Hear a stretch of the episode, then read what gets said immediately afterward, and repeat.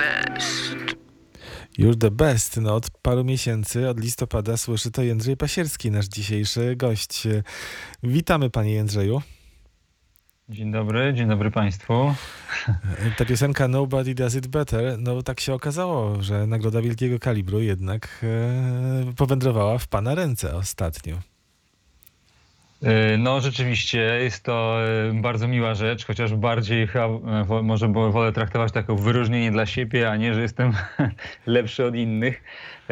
Natomiast no rzeczywiście jest to fantastyczna sprawa, gdzie no, tak poważna nagroda to taki można powiedzieć potwierdzenie tego, że to co robisz ma sens. No. To wróćmy na chwilę do tamtych emocji, jeśli pan pozwoli. Myślę, że jestem chyba teraz najszczęśliwszym Aha, człowiekiem w no emocje były czasy, które mamy. Także jestem też bardzo szczęśliwy, że dostałem tę nagrodę za roztopy, bo pozostaje to moja ulubiona z moich powieści. Myślę, że każdy autor ma swoją ulubioną swoją powieść. I w moim przypadku y, no, są, to, są to roztopy. To jest pod wieloma względami historia szczególna, na podstawie historii, która wydarzyła się naprawdę. Oczywiście sporo od tego dodałem, żeby stworzyć tę fabułę i tak dalej. Natomiast gdzieś tam ten rdzeń się wydarzył. To była historia, która mnie długo fascynowała. I wiele z tą książką było inaczej niż z moimi innymi książkami. W bólach wymyśliłem tę fabułę. Potem nie mogłem spać przez całą noc i miałem poczucie, że mam coś, e, mam naprawdę coś fajnego. E, Cztery lata temu, mniej więcej o tej samej porze, podjąłem e, niezwykle dramatyczną dla mnie decyzję o rzuceniu pracy na etacie. Czułem, że nie mam innego wyjścia. Nie miałem planu ścisłego pisania, ale zacząłem pisać. No i teraz cztery lata później mam takie poczucie, że no to miało sens. Mam wrażenie, że to jest chyba być może najlepsza rzecz, jaka mi się przydarzyła w życiu, albo zdecydowanie jedna z najlepszych. Tak mówił pan na gali wielkiego kalibru, zresztą wyjątkowej gali, no bo wiadomo, odbyła się online. E, No to prawda i muszę przyznać, że Ireneusz Green e, doskonale dozował napięcie. Ja wiem, że Irek też napisał e, parę powieści kryminalnych i widać, że coś przetrenował, dlatego że już jak wydawało się, że będzie rozstrzygnięcie, to jeszcze przedłużał i naprawdę robi to umiejętnie. I w pewnym momencie naprawdę miałem takie poczucie, że no są emocje, no, są emocje, bo e, gdzieś tam też usłyszałem e, przedtem od jakichś dziennikarzy e, czy od wydawnictwa, że e, moja powieść wydaje mi się dosyć mocna e, w tym gronie, więc e, no tak coś czułem, że mogę dostać tę nagrodę i jak tak Irek przedłużał, to w zasadzie z każdą minutą mam wrażenie, że te emocje trochę rosły u mnie, chociaż nie chciałem tego, ale no tak było. No. No dzisiaj te emocje już trochę opadły. No, minęło, minęły trzy miesiące. W międzyczasie w zasadzie wprowadziłem, można powiedzieć, nową powieść na, na rynek. E, Pracowałem nad kolejną książką, więc e, no, czas leci. No.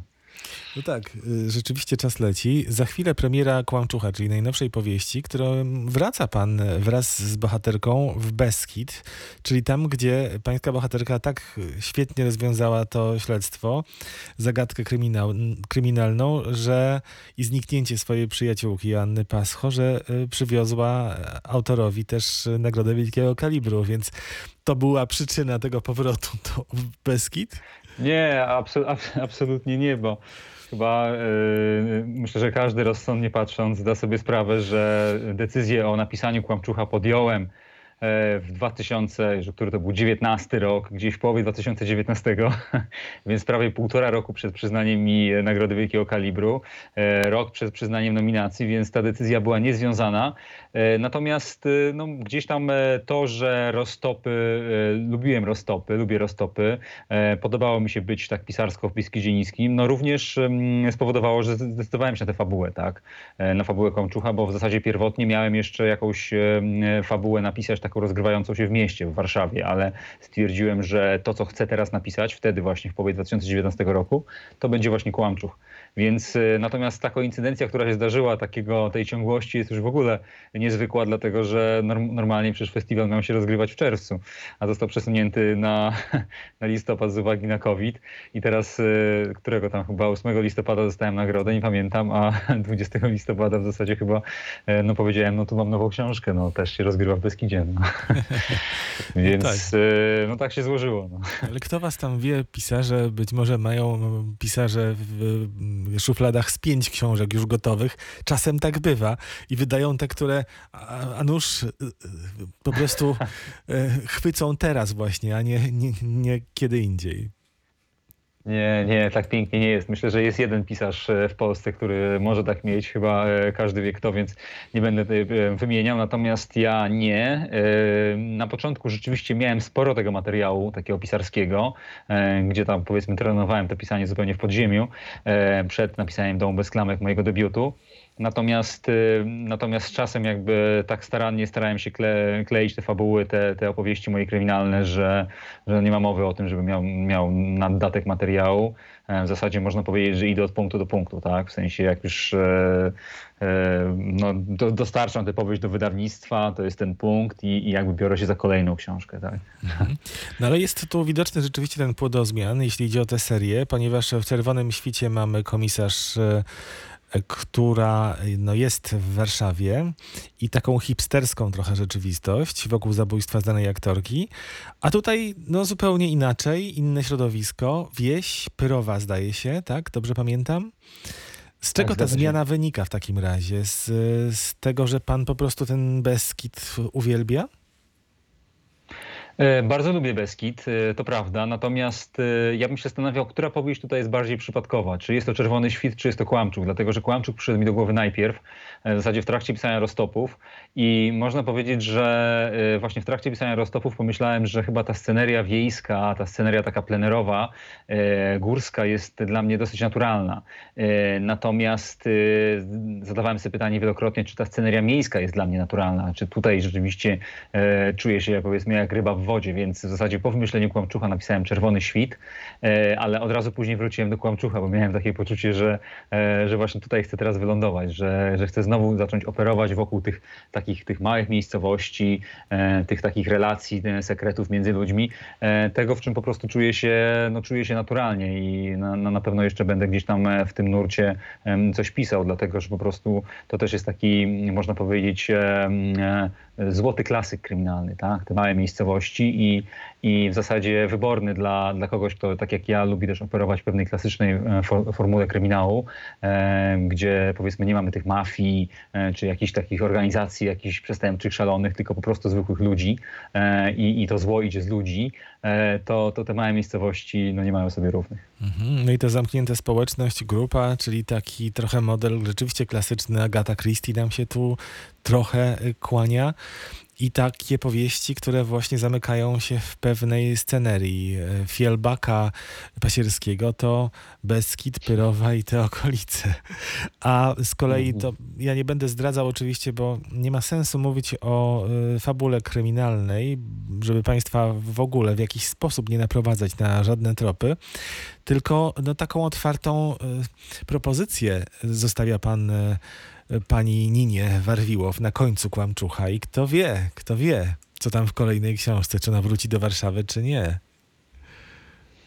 No ja tego jeszcze nie będę zdradzał, wydaje mi się jeszcze za wcześnie. Ja wiem, co się zdarzy i wiem, bo tak jak wspomniałem w zasadzie tę powieść kolejną ja już zacząłem pisać i to zacząłem pisać parę miesięcy temu, tak? Bo nie należy do pisarzy, którzy e, tworzą w miesiąc, kolejny miesiąc na redakcji, kolejne na wydanie. E, w zasadzie te powieści zajmują mi troszkę dłużej, więc ja wiem, co się wydarzy. Będzie to zupełnie nowa sceneria, taka sceneria, której jeszcze nie było w powieściach, w sensie ten typ scenerii moich. No mam nadzieję, że będzie, bo za każdym razem też staram się zrobić coś nowego, tak? Wychodzę z założenia, że jest to seria i, i łączy tę serię postać głównej bohaterki, ale od początku miałem takie poczucie, że seria musi być świeża, tak? Czyli e, wspomniał pan tutaj Fialbakę, e, to chyba Kamili Lackberg. Mhm. E, ja tam może czytałem jedną powieść z tego cyklu i nie pamiętam, jak ona sobie radzi z tym, żeby ta, ta sceneria była wciąż taka e, atrakcyjna. No bo jest to pewien problem pisarski, tak? Że powiedzmy, jeżeli, jeżeli raz jeszcze jest się w jakimś miejscu, no to w zasadzie kolejny raz, no to już tak czytelnik mówi, no już tu byłem pisarz też mówi, no już tu byłem, no to coś nowego, tak? No więc w tej kolejnej, e, kolejnej powieści będzie, myślę, coś nowego. Czyli zagranica. E, nie, nie, nie. Polska i e, Polska i nawet e, sprecyzuję, że Małopolska. Zagranica jest to rzeczywiście pewien atrakcyjny trop, ale, ale wciąż gdzieś tam, gdzieś tam go obwąchuje, bo, bo to też jest taka powieść, no taka fabuła przysparza pewne trudności. Trzeba by to dobrze przemyśleć. Panie Jędrzeju, to teraz pytanie o samą Ninę. Tysiąc razy pan na nie odpowiadał z całą pewnością, ale ja chciałbym mimo wszystko zadać, bo wiem, że oglądają nas i słuchają słuchaczek, słuchaczki, którzy po raz pierwszy spotykają się z twórczością Jędrzeja Pasierskiego. No w końcu nie jest to 20 książek, tylko 4. Pięć. Pięć w tej chwili już z Kłamczuchem, tak, tak? tak? Panie Andrzeju, więc od początku, od razu miała być to kobieta, bohaterka? E, nie, nie, absolutnie nie. E, zacząłem nawet nie w powieścią kryminalną, tylko bardziej, troszkę powieścią obyczajową. E, w zasadzie tak trochę pisałem bez planu, chcąc się trochę rozpisać, w ogóle zobaczyć, czy ja mam jakiekolwiek możliwości tutaj literackie, pisarskie. I w zasadzie ciągu jakichś 6-7 miesięcy, od kiedy napisałem pierwsze literackie słowo w życiu, w zasadzie w życiu, bo kiedy zacząłem pisać, kiedy miałem niecałe 32 lata, e, to, to miałem takie doświadczenie, że w trakcie tych prób dobrze mi się pisało narracje kobiece. Te, te kobiety, bohaterki mi jakby, e, można powiedzieć, kradły powieść bohaterom. E, I, a kiedy pomyślałem też z kolei, rzeczywiście ciutko się tak może pomyślałem o tych skandynawskich autorach, że oni mają tych posta te postaci policyjne i to im tak fajnie idzie i, i nie przejmują się tym, że jest to lekka sztampa, więc podjąłem wtedy decyzję, że również wprowadzę policjanta jako takiego najbardziej wiarygodnego współczesnego śledczego, to pomyślałem, że okej, okay, to będzie policjant, ale niech to będzie policjantka, tak? Skoro, skoro już mi tak w miarę idą te postaci kobiece, no to niech to będzie policjantka. No i potem dokładałem kolejne elementy bio Niny Warwiłow e, i, i e, ten, tej rosyjskie pochodzenie i tak dalej. Natomiast, natomiast gdzieś tam też czułem, że to, że ona jest kobietą, to stawia mnie w fajnej sytuacji. Po pierwsze jestem mężczyzną, więc ja nadam jej pewne moje męskie cechy, więc ona nie będzie taka jednoznaczna. A po drugie to, że ona jest właśnie kobietą w tym świecie dochodzeniówki, takim dosyć szowinistycznym, to nada pewien taki naturalny konflikt i że to może fajnie wybrzmieć. Miałem taką intuicję, że to może fajnie zagrać, że w zasadzie moja bohaterka nie będzie musiała być jakoś bardzo powiedzmy zalkoholizowana, czy znarkotyzowana, czy sprzemocowana, e, można powiedzieć, chociaż przemocy tam troszkę było na starcie, ale, ale w zasadzie, że ona już w tym środowisku już będzie miała ciężko, tak? I już tam będę mógł jakieś ciekawe sytuacje rozgrywać, takie literacko. No i to jest kobieta w dość burzliwym okresie życia, przed czterdziestką, ma małą córeczkę. I też e, te takie psychologiczne elementy tu się pojawiają, pewnie też z autopsji gdzieś tam wzięte. Bo powiedział pan, że może pan nadać tej bohaterce również trochę cech męskich, ale ona jest też bardzo kobieca w tej właśnie miękkiej swojej stronie.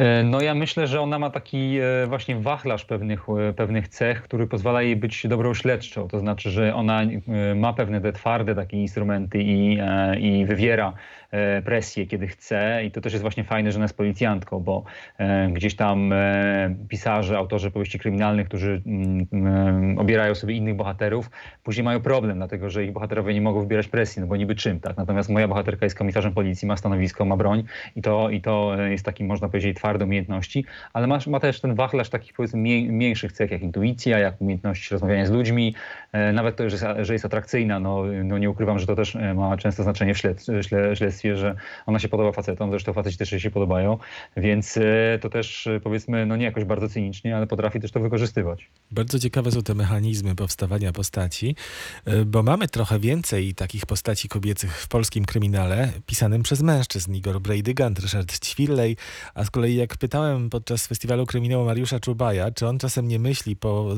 skończeniu z Hańcem, swoim bohaterem, żeby bohaterką, bohaterkę uczynić e, bohaterką właśnie swoich powieści, to powiedział, że nie, nie, nie, to ona byłaby takim facetem, e, e, facetem spódnicy, mówiąc symbolicznie, więc on się na to nie pisze. A wy jednak przyjęliście inną strategię, że skoro kobiety potrafią pisać o mężczyznach, i to całkiem udanie, niektóre, no to mężczyźni też mogą opisać świetną policjantkę.